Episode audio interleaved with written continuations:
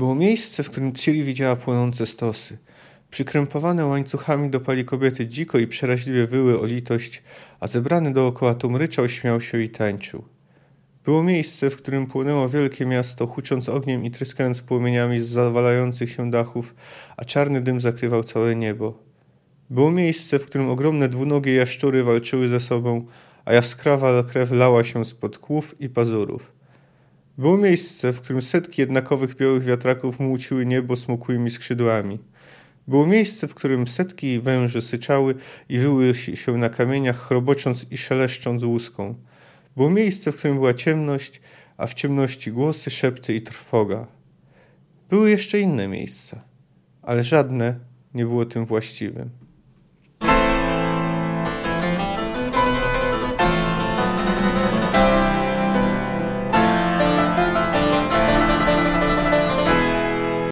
Cześć, jestem Kamil K., a Ty słuchasz mojego podcastu Fantastyka Krok po Kroku. Analizuję w nim rozdział po rozdziale lub opowiadanie po opowiadaniu wybrane książki fantastyczne. Zapraszam.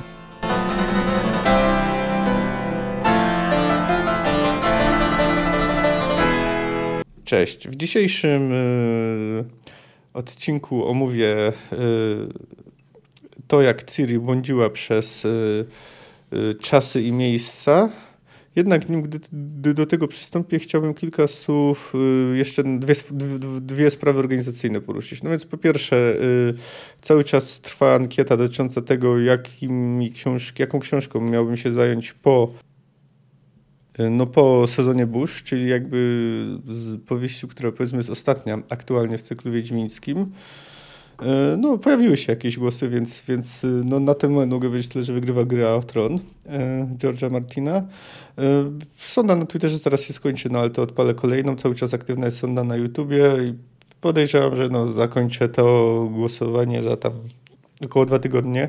Chyba, że na przykład będzie remis, no to wtedy będzie trzeba zrobić jakąś dogrywkę.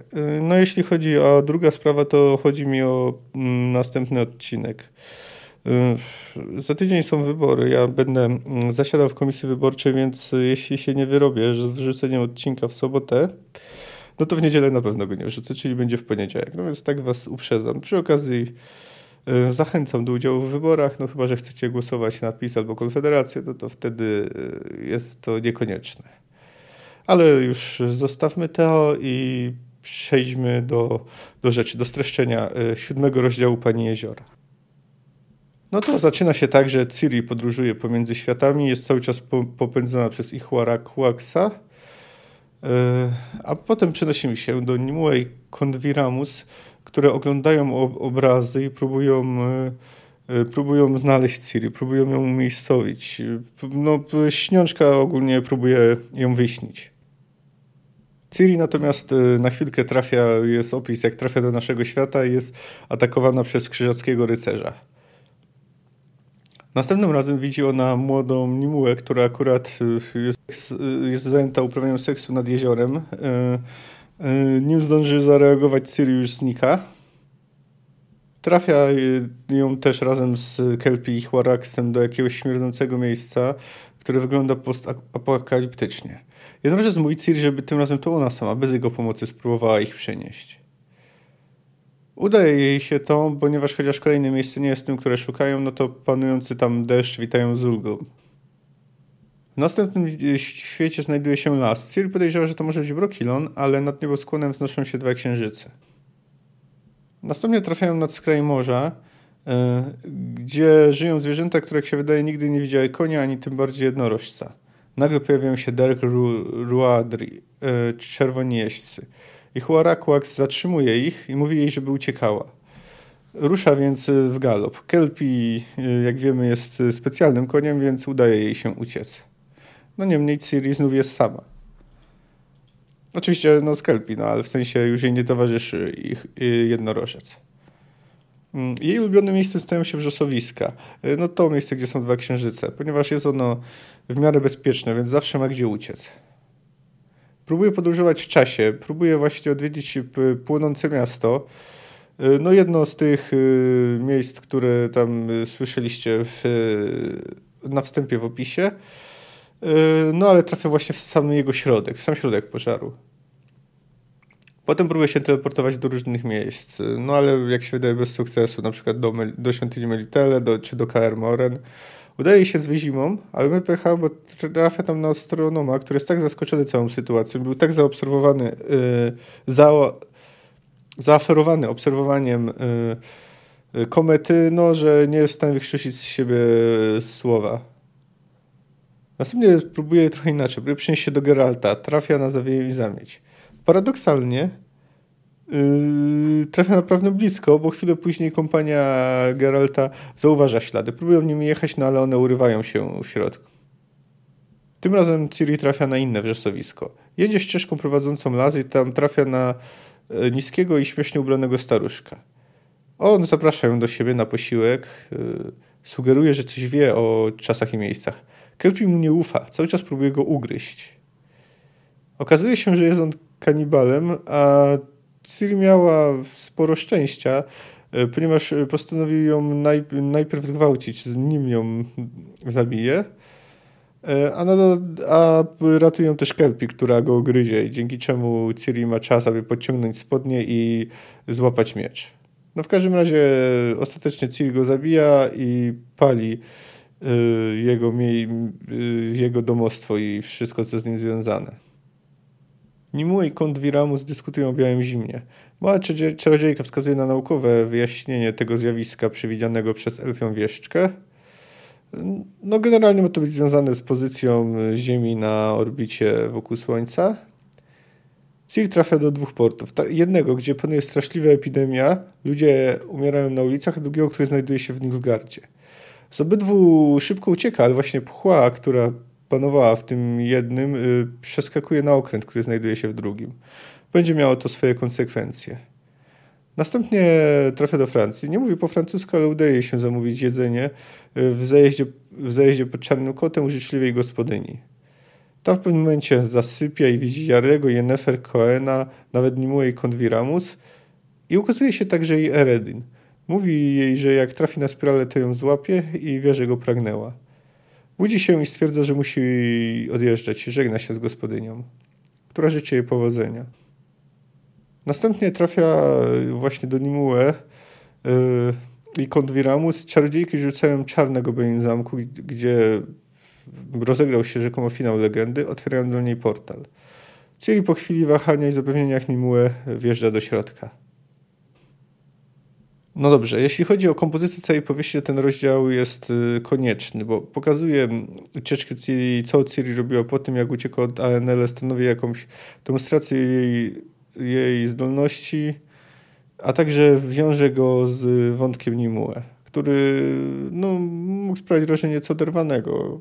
Chociaż no, tak czy owak, poznawalibyśmy po prostu y, optykę, y, jaką na legendę mają ludzie żyjący dużo później. Ogólnie z wykorzystaniem podróży w czasie e, w różnych historiach to jest problem. E, no, bardzo trudno jest je wiarygodnie przedstawić, no chyba, że się ustali pewną konwencję, jak to na przykład zrobiono w Doktorze Hu.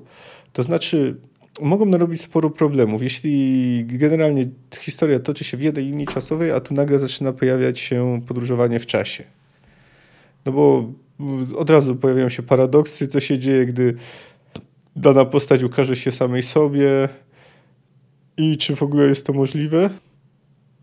No i wtedy trzeba się zmierzyć z tym, że może powstać wiele rzeczywistości. Sapkowski zrobił to trochę inaczej. On to trochę tłumaczy, że po prostu czas nie ma ani końca, ani po, po początku, że jest jak wąż Uroboros. Yy, mówi o tym Nimue. Czas, powiedziała Nimue, nie ma początku ani końca. Czas jest jak wąż Uroboros który chwycił zębami własny ogon. W każdym momencie kryje się wieczność. A wieczność składa się z chwil, które je tworzą. Wieczność to archipelag chwil. Da się wśród tego archipelagu żeglować, choć nawigacja jest bardzo trudna, a zbłądzić jest niebezpiecznie. Dobrze jest mieć latarnię morską, której światłem można się kierować. Dobrze jest móc wśród mgły usłyszeć wołanie. Zamilkła na chwilę. Jak kończy się interesująca nas legenda? Zdaje się nam, tobie i mnie, że wiemy, jak ona się kończy ale wciąż Uroboros trzyma zębami własny ogon. Tak jak legenda się skończy To, jak legenda się skończy, rozstrzyga się teraz, w tej chwili. Zakończenie legendy będzie zależeć od tego, czy i kiedy zagubiony wśród archipelagu chwil żeglarz dostrzeże światło latarni. Usłyszy wołanie. No właśnie, tutaj mm, można powiedzieć, że z tego wynika, co mówi Nimue, że przeszłość, przyszłość i teraźniejszość dzieją się teraz, ponieważ y, nie można do końca do wieczności y, odnieść y, jakichkolwiek kategorii czasowych. No i tu właśnie no, archipelag to ogólnie wiemy, że to jest zespół wysp położonych blisko siebie. Widzimy więc, że te różne chwile są ze sobą połączone. Czyli i te wszystkie sceny niejako się rozegrały, ale rozgrywają się też w danym momencie. I w ten sposób historia Ciri staje się częścią historii Nimue i Kondwi Ramus. Czy też raczej vice versa. E, one stają się częścią ich historii. E, no i to wskazuje na to, Nimue miała dużo czasu, żeby to zbadać i przemyśleć i prawdopodobnie e, dlatego tak potrzebowała adeptki. Aby odnaleźć Ciri i aby właśnie być dla niej taką latarnią morską, aby wskazać jej drogę. Ale, a to trzeba zwrócić uwagę, że to też wiedziała, bo to jest podkreślone, że to przed przesileniem letnim, że to jest specyficzny czas, y, ponieważ zapewne przecież odczuła wielką pokusę, żeby wypytać Ciri o różne rzeczy. A tu mam jeszcze taki fragment dotyczący właśnie podróży w czasie. Myślisz, koniku, zapytała, że mogą nas ścigać? Chrapnięcie, zrozumiałe i jednoznaczne nawet bez telepatii. Nie zdołaliśmy jeszcze uciec dostatecznie daleko? Tego, co w odpowiedzi przekazał jej myślą, nie zrozumiała. Nie istniało daleko i blisko? Spirala? Jaka spirala? No dobrze, no jeśli mówimy tak o naszym świecie, no to wiecie zapewne, co to jest spirala, no taki, taki można powiedzieć, prawie okrągły kształt, y, owijający się y, wokół czegoś. No to na przykład jest wykorzystywane mm, często w różnych przedstawieniach hipnozy, że niby jak y, wpatrujesz się długo w taką spiralę, to zapada się w trans. No dobrze. I tu, a tutaj wiemy, że Eredin może się poruszać po spirali i tylko po spirali.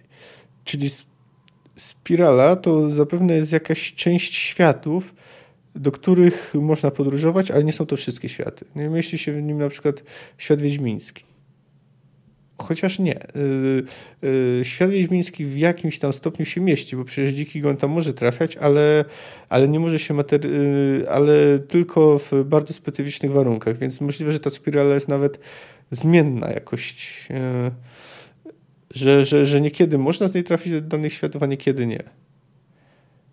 No i trzeba pamiętać, że jednak e, tam mogą jedynie się jako dziki gon ukazywać w tamtym świecie.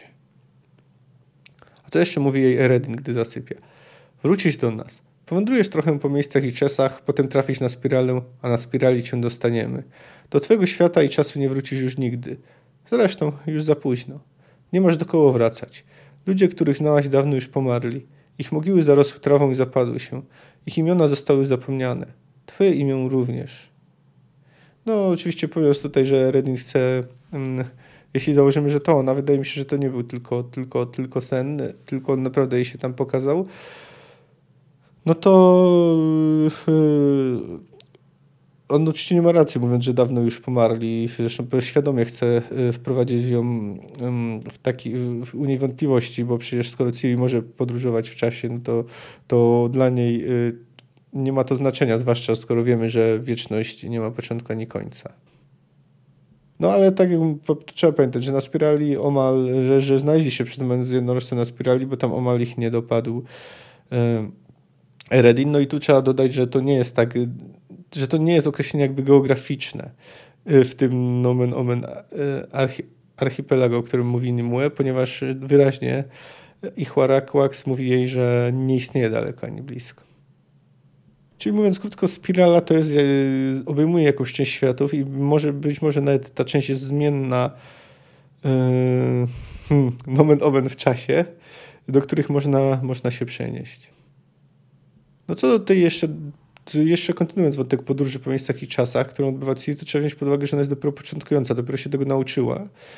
No ale przecież udaje się trafiać do Geralta i do Wyzimy. Oczywiście w obydwu przypadkach e, nie uświadamia sobie tego, no głównie mm, no, no, no tu, tutaj miałem, po prostu brakuje szczęścia, no ale do Wyzimy też trafiła na znaczny dodatek podczas wojny. No w sumie też nie wiadomo, czy na przykład nie trafił na świątynię Molitele, bo to, że to były moczary, no to mógł pójść po prostu inny czas. No ale te, więc y, można przyjąć, że Ciri całkiem nieźle już opanowała te zdolności. No to wiąże się z tym, że jest y, prawdopodobnie jest w niej krew y, Larry Doren, czyli no specjalnie y, stworzona. Jest, jest niejako produktem, jak wiemy, eksperymentów i manipulacji genetycznych. No ale Ciri miała też pecha, no bo mm, tam już powiedzmy te różne przygody, to co zastanawiałem na początku, że na przykład widziała jednorożce, czy też dość zabawną scenę, y, gdzie szarżuje na nią y, krzyżak, to są jeszcze dwie, które warto jakoś wspomnieć. Jedna jest to, że rozniosła epidemię, a drugą jest spotkanie z leśnym dziadkiem. Zacznijmy już od tego drugiego. Jest to scena dość, e, dość obrzydliwa. E, e, tutaj jest jedna rzecz zastanawiająca, to, że ten właśnie kanibal wydaje się wiedzieć coś o podróżach w czasie, a przynajmniej próbuje sprawić takie wrażenie. Tutaj pozwolę sobie na cytat. Staruszek, niziutki, ale bynajmniej niezgarbiony, ubrany był w lnianym koszulę i portki z takiegoż materiału. Na nogach miał wielkie i prześmiesznie wyglądające łapcie z łyka. W jednym ręku dzierżył sękaty kostur, w drugim wiklinową kobiałkę. Jego twarzy Ciri nie widziała dokładnie. Yy, kryło ją obszarpane i zwisające rondo słomionego yy, kapelusza, spod którego wystawał opalony nos i siwa, skołtuniona broda. Bez lęku powiedziała, nie uczynią ci nic złego. Siwobrody przestąpił z łapcia na łapeć i zdjął kapelusz. Twarz miał okrągłą, upszczaną starczymi plamami, ale czerstwą i niewiele pomarszczoną. Brwi rzadkie, podbródek mały i bardzo silnie cofnięty. Długie siwe włosy nosił związane na karku w harca, cap.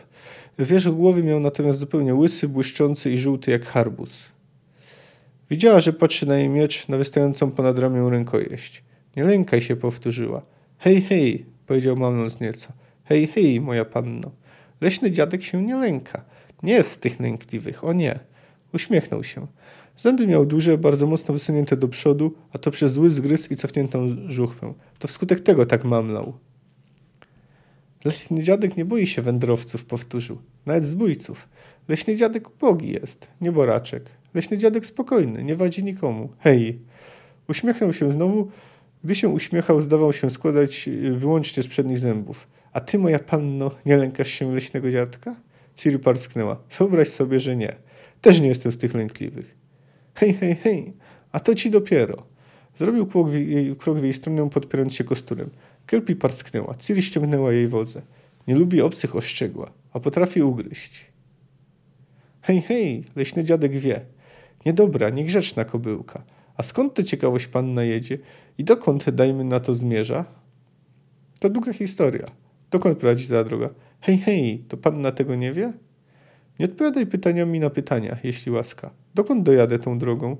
Co to w ogóle jest za miejsce? I co to za czas? Staruszek znowu wystawił zęby, poruszył nimi jak nutria. Hej, hej, zamamlał. A to ci dopiero. Jaki czas panna pyta? O, jest daleka widać, z daleka przywędrowała panna do leśnego dziadka. Z dość daleka, owszem, kiwnęła obojętnie. Z innych miejsc i czasów, dokończył. Dziadek wie. Dziadek się domyślił. Czego? spytała podniecona. Czego się domyśliłeś? Co wiesz? Leśny dziadek dużo wie. Mów. Panna głodna pewnie usunął zęby. Spragniona? Zdrożona? Jeśli zechce, leśny dziadek zawiedzie do chaty, nakarmi, napoi, ugości. No oczywiście tutaj dziadek zostaje na nią pułapkę. Ciekawy jest ten moment, gdy on mówi o innych czasach i miejscach i twierdzi, że dużo na ich temat wie. No, dzięki temu powstają na ten temat e, spekulacje. No, na przykład jest taka teoria, mm, którą można przeczytać na Wiedźmińskiej, pod Wiedźmińskiej Wiki w pierwszym komentarzu, że przynajmniej aktualnie w pierwszym komentarzu, że, że ciała, które znajdują się w jego domu, to ciała Ciri, różnych wersji tam Ciri, które wcześniej tam zabłądziły i zostały przez niego zabite i są zjadane. No ale tutaj trzeba zwrócić uwagę, że on mówi o tych miejscach i czasach dopiero gdy sama Ciri o tym wspomnie, gdy się zapyta go o miejsca i czasy. Więc myślę, że on po prostu wykorzystał, po prostu chciał ją do siebie zwabić, a no mógł, mógł tak powiedzieć. To nawet niekoniecznie musiał mieć na ten temat wiedzę. Chociaż istnieją też, też różne yy, spekulacje, że jest na przykład pod, innym podróżnikiem w czasu, który zwariował. No chociaż nie wiem, może być tych podróżników. Albo na przykład jakimś tam wysłannikiem dzikiego ogonu.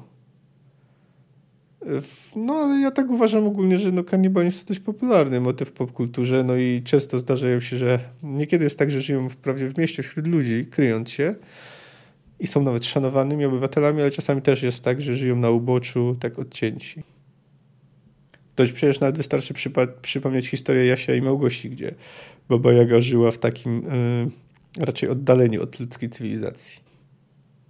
Ogólnie ta scena, no, z jednej strony jest, zapada w pamięć, ale z drugiej strony, no to nie wiem, czy jest jakoś konieczna, bo to, że do, do Ciri każdy chce yy, z, w jakiś sposób posiąść, że to tak ujmę, no to to wie, już wiemy, bo to jest y, jakby leitmotivem jej historii.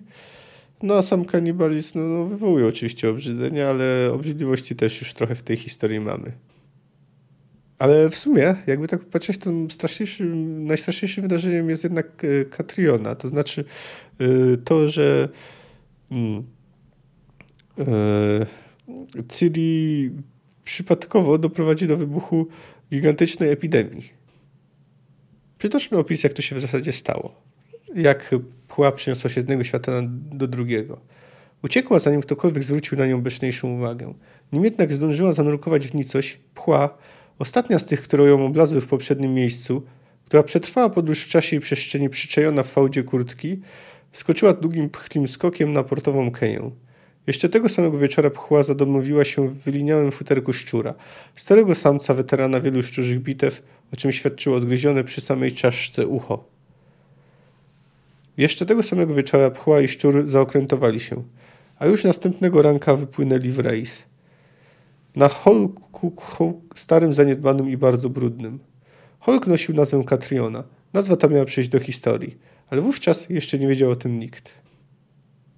No cóż, jak, jak więc widzimy, yy, po pierwsze różne stworzenia mogą przetrwać, jeśli mają szczęście podróż między czasem i przestrzenią. No a po drugie, Ciri faktycznie przynosi zniszczenie nawet yy, zupełnie nieumyślnie taki jej nieszczęśliwy los. No dobrze, no to teraz jeszcze kilka słów warto poświęcić, y, nawet może więcej. Tu przytoczę długi cytat dotyczący Białego Zimna, które de facto jest, jak już wiemy, od Awallacha z lodowaceniem Nimue. Dodaje trochę więcej szczegółów, trochę więcej wyjaśnia. Dość często śni, śni mi się, Kondwiramus wróciła do przerwanego gadania, że jestem na lodowej pustyni – na której nie ma nic, tylko biel śniegu i zwały skrzącego się w słońcu lodu. I panuje cisza. Cisza dzwoniąca w uszach. Cisza nienaturalna. Cisza śmierci. Nimue kiwnęła głową, jakby dawała znać, że wie o co chodzi. Ale nie skomentowała. Nagle, podjęła deptka, nagle wydaje mi się, że coś słyszę. Że czuję, jak lód drży pod moimi stopami. Klękam, rozgarniał śnieg. Lód jest przejrzysty jak szkło jak na niektórych czystych górskich jeziorach, gdy kamienie na dnie i pływające ryby widać przez sążniowej grubości taflę. Ja w moim śnie też widzę, choć tafla ma dziesiątki, a może setki sążnej grubości. Nie przeszkadza mi to widzieć i słyszeć. Ludzi wojących o pomoc. Tam w dole, głęboko pod lodem, jest zamarznięty świat. Nimue nie skomentowała i tym razem. Oczywiście wiem, podjęła adeptka, gdzie jest źródło tego snu. Wierzba i tliny, osławione białe zimno, czas mrozu i wilczej zamieci. Świat, który umiera wśród śniegów i lodów, aby, jak mówi przepowiednia po wiekach, narodzić się ponownie, oczyszczony i lepszy. W to, powiedziała cicho Nimue, że świat się odrodzi, wierzę głęboko. W to, czy lepszy, nie bardzo. Słucham? Słyszałaś mnie. I nie przesłyszałam się?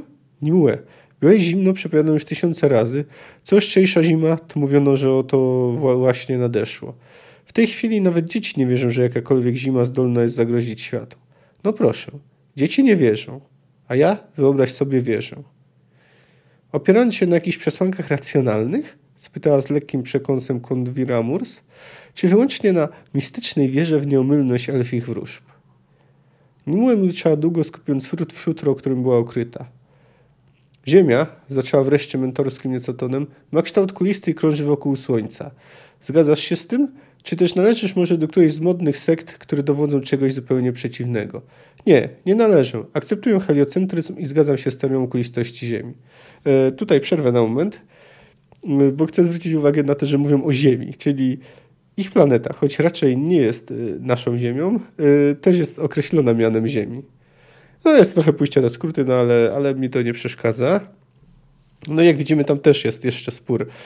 Y, no chociaż u nas już de facto tego sporu nie ma. Co do tego, czy Ziemia jest kulą, czy tam, jeśli chodzi o ścisłość geoidą, czy, te, czy, te, czy też jest płaska. No, jak widać, niektóre z tych sekt to mamy do czynienia z nimi nawet dzisiaj. No ale wróćmy dalej do wyjaśnień małej czarodziejki. Świetnie. Zgodzisz się więc też zapewne z faktem, że pionowa oś kuli ziemskiej jest nachylona pod kątem, a droga Ziemi wokół Słońca nie ma kształtu regularnego okręgu, lecz jest eliptyczna. Uczyłam się o tym, ale nie jestem astronomem, więc nie trzeba być astronomem, wystarczy logicznie myśleć. Ziemia obiega Słońce po orbicie w kształcie elipsy, a zatem jest w czasie obiegu. Już to bliżej, już to się oddala. Im bardziej Ziemia jest oddalona od Słońca, tym, to chyba logiczne, jest na niej zimniej. A im mniej oś świata odbiega od perebentykułu, tym bardziej dociera na półkulę północną. To też logiczne. Oba te czynniki, to znaczy eliptyczność orbity i stopień nachylenia osi świata, podlegają zmianom. Jak się uważa cyklicznym? Elipsa może być bardziej lub mniej eliptyczna, czyli rozciągnięta i wydłużona. Oś świata może być mniej lub bardziej nachylona. Warunki ekstremalne, jeśli chodzi o klimat, powodują jednoczesne wystąpienie obu zjawisk, maksymalnego wyciągnięcia elipsy i nieznacznie tylko odchylonej od pionu osi. Obiegająca Słońce Ziemia otrzymuje w, w afelium bardzo mało światła i ciepła, a rejony biegunowe są dodatkowo poszkodowane niekorzystnym kątem nachylenia osi. Jasne. Mniej światła na półkuli północnej to dłuższe zaleganie śniegu. Biały lśniący śnieg odbija światło słoneczne, temperatura spada jeszcze bardziej. Y, śnieg zalega dzięki temu jeszcze dłużej, na coraz większych połaciach nie topnieje w ogóle lub topnieje tylko na krótko. Im więcej śniegu, im dłużej zalegającego, tym większa biała i lśniąca powierzchnia odbijająca. Pojęłam. Śnieg pada, pada, pada, jest go coraz więcej. Załóż bowiem, że z prądami morskimi wędrują z południa masy ciepłego powietrza, które skraplają się nad wyziębionym północnym lądem. Ciepłe powietrze skrapla się i opada śniegiem. Im większa różnica temperatur, tym obfitszy opad. Im obfitszy opad, tym więcej białego, długo nietopniejącego śniegu. Tym zimniej. Tym większa różnica temperatur i obfitsze skraplanie się mas powietrza. Pojęłam.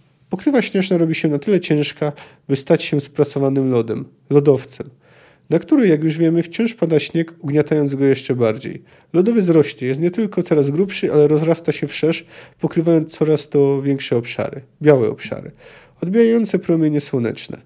Kiwnęła głową Kondwiramurs. Zimniej, zimniej, jeszcze zimniej. Białe zimno wyprodukowane przez Itlinę. Ale czy możliwy jest kat kataklizm? Czy naprawdę grozi nam, że lód, który na północy, który leży na północy od zawsze, popłynie z nienacka na południe, zdruzgocze, sprasuje i zakryje wszystko? W jakim tempie rozrasta się czapa lodowa na biegunie? W jakim tempie? Jak pewnie wiesz, powiedziała Nimue wpatrzona w jezioro. Jedynym niezamarzającym portem w Zatoce Praksedy jest port Wani. Wiem to. Czyli to, to jest jak, w, w, może pamiętacie, letnia stolica Ko Kowiru. Przynajmniej była w czasach Dijkstry. Wzbogać wiedzę. 100 lat temu nie zamarzał żaden z portów Zatoki. 100 lat temu są na to liczne przekazy. W Talgarze rosły, rosły ogórki i dynie, w Kengon uprawiono słoneczny giłubin.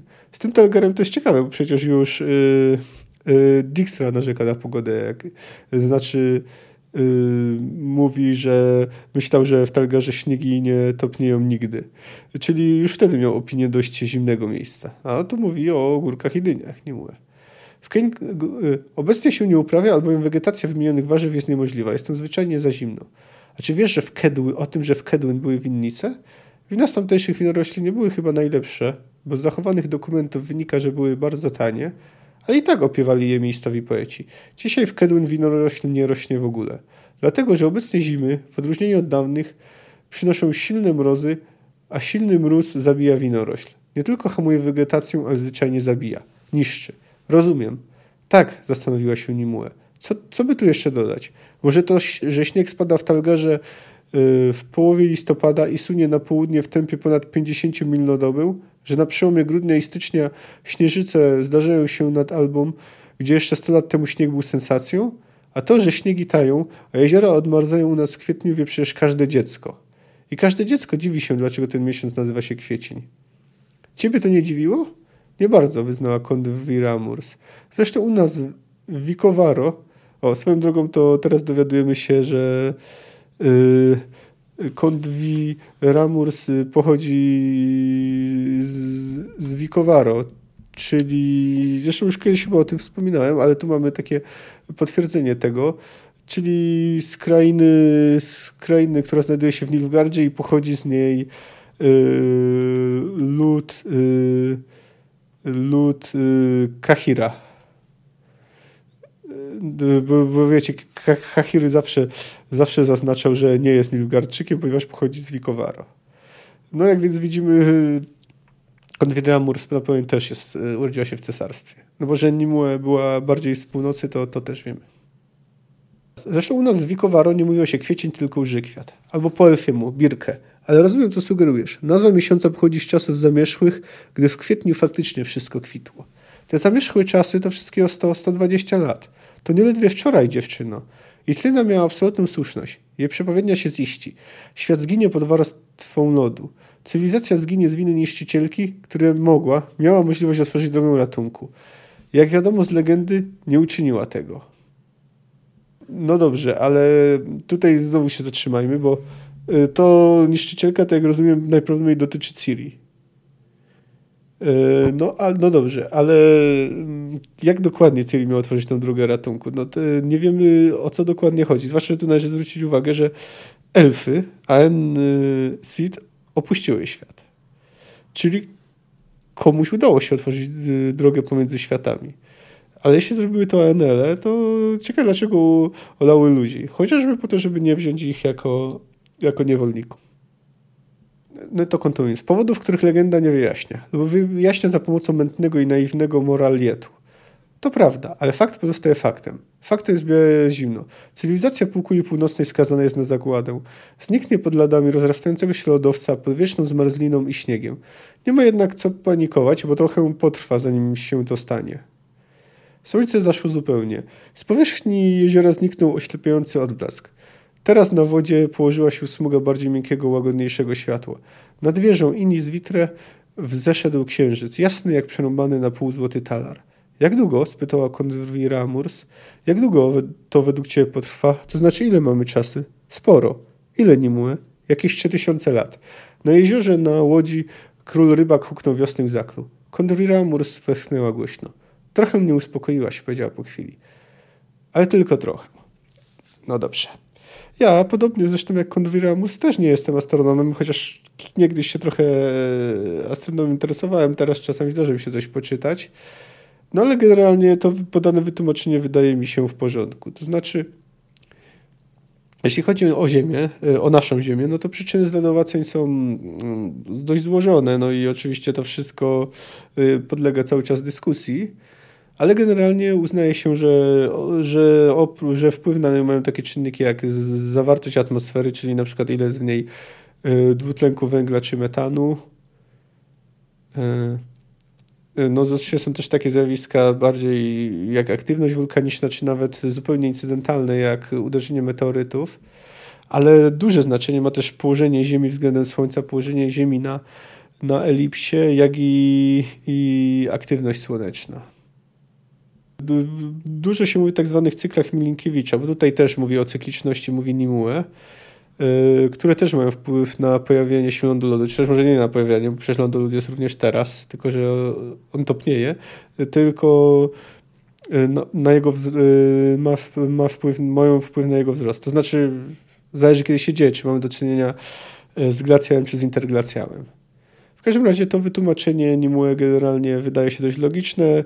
Y, no, no, w skrócie brzmi ono tak, że po prostu ze względu na położenie Ziemi na elipsie wokół Słońca, y, to, to używajmy tych tematów, pojęć, jakie one używają, nawet jeśli to nie nasza Ziemia i nasze Słońce, i jej nachylenie y, pod kątem wpływają na to, że będzie docierać mniej światła, które na tak później będzie odbijane za zwiększającą się, przez zwiększającą się pokrywę lodową. No i dojdzie do takiego napędzającego się procesu, który sprawi, że półkula północna pokryje się lodem. A zresztą 3000 lat to nie, nie tak mało. Da się w tym czasie coś wymyślić. My, jak chodzi o globalne ocieplenie, no to mamy zdecydowanie mniej czasu. Pod naszą aktywności przez nas, tylko że my nawet nie możemy tego zwalić na żadną niszczy, konkretną niszczycielkę, tylko bardziej ogólnie.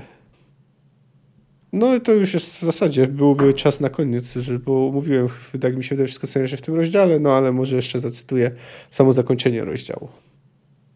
Czarna klacz stanęła dęba, zarżała dziko. Nimułek gwałtownie rozwała ręce, krzyknęła formułę. Konrwiała Maurus, widząc tworzący się w powietrzu rosnący obraz, skoncentrowała się mocno. Obraz natychmiast zyskał na ostrości. Stał się portalem, bramą, za którą widać było płaskowy szpen wraków okrętów. Zamek wtopiony w ostre skały urwiska, górujący nad czarnym zwierciadłem górskiego jeziora. Tędy! krzyknęła przenikliwie Nimue. Oto droga, którą musisz podążyć. Ciri, córko Pawetty. Wejdź w portal, podążaj za drogą wiodącą na spotkanie przeznaczenia. Niechaj zamknie się koło czasu. Niechaj wąż uroboros zatopi zęby we własnym ogonie. Nie bądź dłużej. Śpiesz się, śpiesz na pomoc bliskim. To jest właściwa droga, Wiedźminko. Tutaj przerwę na moment, bo yy, tak swoją drogą, yy, no to jeśli yy, Ciri miała być tam niszczycielką, to nie mogła w sumie zatrzymać i powiedzieć, że musi coś, coś z tym zrobić. No ale cóż, yy, ważniejsze było dokończenie historii. Zresztą nie wiadomo, czy de facto mogła. Być może Ciri by zaraz uciekła.